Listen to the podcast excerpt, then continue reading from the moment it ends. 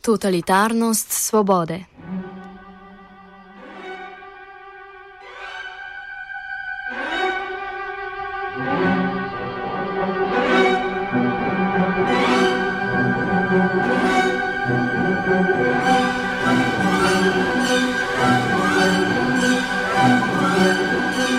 23. august je dan spomina na žrtve totalitarnih in avtoritarnih režimov, ki ga obeležuje datum, ko je bil leta 1939 podpisan pakt Ribbentrop-Molotov oziroma pogodba med nacistično Nemčijo in Sovjetsko zvezo o prijateljstvu in nenapadanju.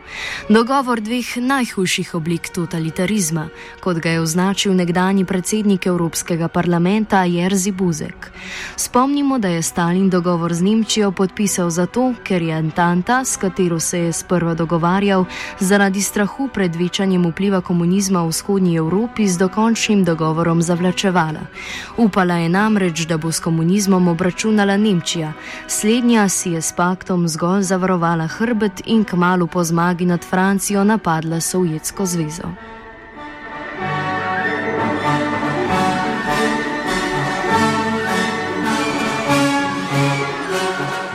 Okviru Evropskega dneva spomina na žrtve vseh totalitarnih in avtoritarnih režimov danes v Sloveniji poteka vrsta prireditev organizacij študijskega centra za narodno spravo. Slovesnost se bo pričela z otvoritvijo razstave Stop cenzura, kjer si bodo obiskovalci lahko ogledali literaturo, prepovedano v času med letoma 1945 in 1991. Nadalje bo pred veleposlaništvom Združenih držav Amerike slišati nagovor namestnika ameriškega veleposlanika, ki bo žrtvam položil rožni venec. Sledila bo Maša v Ljubljanski stolnici, ki jo bo daroval ljubljanski metropolit Stanislav Zore.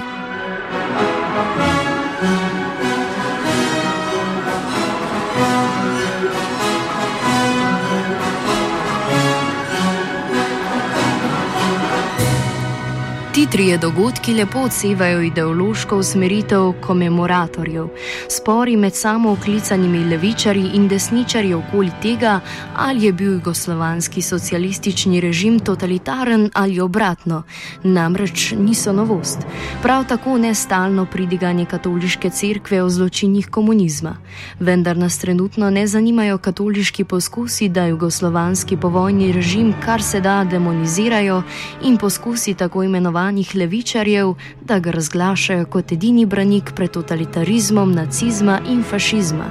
Rajši si poglejmo sam pojem totalitarizma in njegove učinke.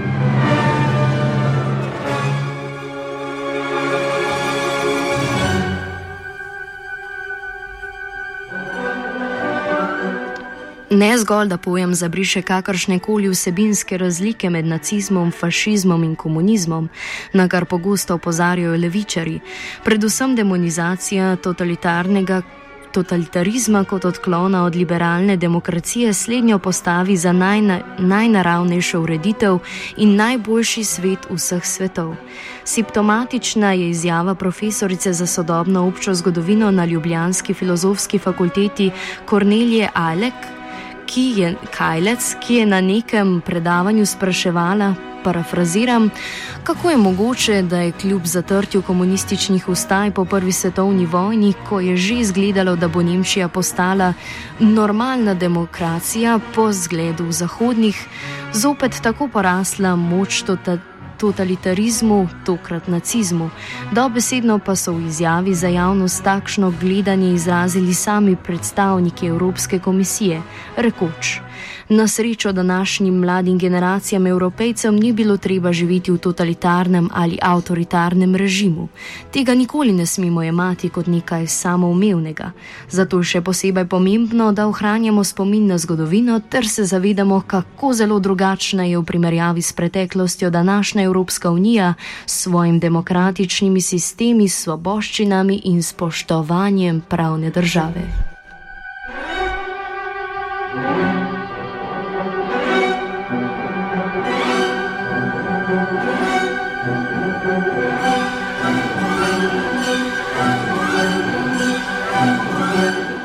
V Sloveniji prepire glede totalitarnosti jugoslovanskega socializma pogosto spremlja jamranje nad razklanostjo slovenskega naroda in pozivi naj vendar pozabimo sovraštvo med našimi dedi, saj smo vsi, ne glede na ideološko usmeritev, ljudje.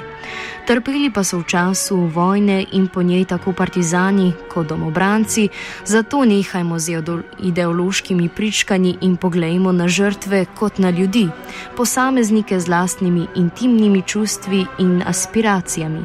Takšno na vides neutralno gledanje, če zanemarimo očitni nacionalizem, ki naj bi se postavilo na univerzalno pozicijo človeškosti, pa ni nič manj neideološko kot slavljenje socialistične osvoboditve ali arijske človeške rase. Slavljenje posameznikove individualnosti in intime je namreč zgolj še ena velika zgodba v vrsti velikih zgodb. Tokrat tesno povezana prav z usponom liberalne demokracije kot raja posameznikove svobode. Kaj je vendar ta svoboda? Za tiste, ki si to lahko privoščijo, svoboda pomeni svobodo izbire potrošnega produkta in določeno svobodo poslovanja. Za ostale pomeni svobodo, da crknejo, če se nočejo prilagoditi sistemu in vstopiti na trg delovne sile.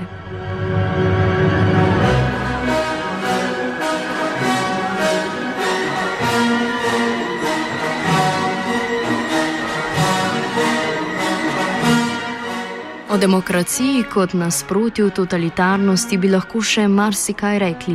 Današnje zahodnje demokracije namreč v nekaterih pogledih močno prekašajo totalitarnost totalitarnih režimov. Nadzor nad prebivalstvom je danes tako množičen, tehnike zbiranja in obdelovanja osebnih podatkov pa tako razvite, da lahko govorimo o pravi izpolnitvi Stalinovih mokrih stanj. Možnosti vpliva širšega prebivalstva na ključne politične odločitve so praktično nične. Večstrankarski parlamentarni sistem, ki naj bi zagotavljal demokratičnost, pa ne nudi nikakršnih političnih izbir, saj znotraj parlamentarne demokracije alternativ obstoječemu sistemu ni mogoče izglasovati. Za politično situacijo v Sloveniji bi naprimer lahko rekli, da ni drugih bistvenih razlik med levimi in desnimi, kot zgolj slavljenje oziroma zaničevanje partizanov oziroma domobrancev.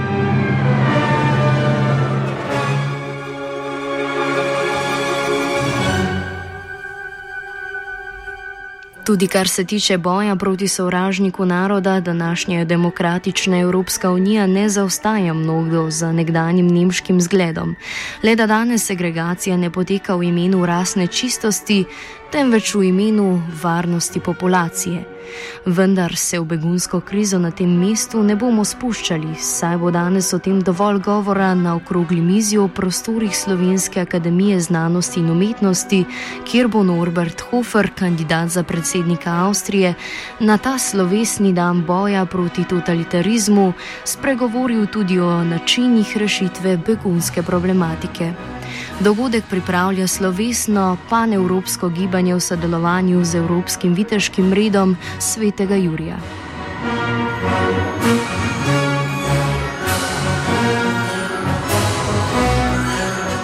Komentirala je Zala. Idem ja tako jednog dana šumom, idem, idem, berem borovnice kao i uvek. I odjednom neki predivan nebeski zvuk, kao ono radio študent. Od tada mi se potpuno promenio život.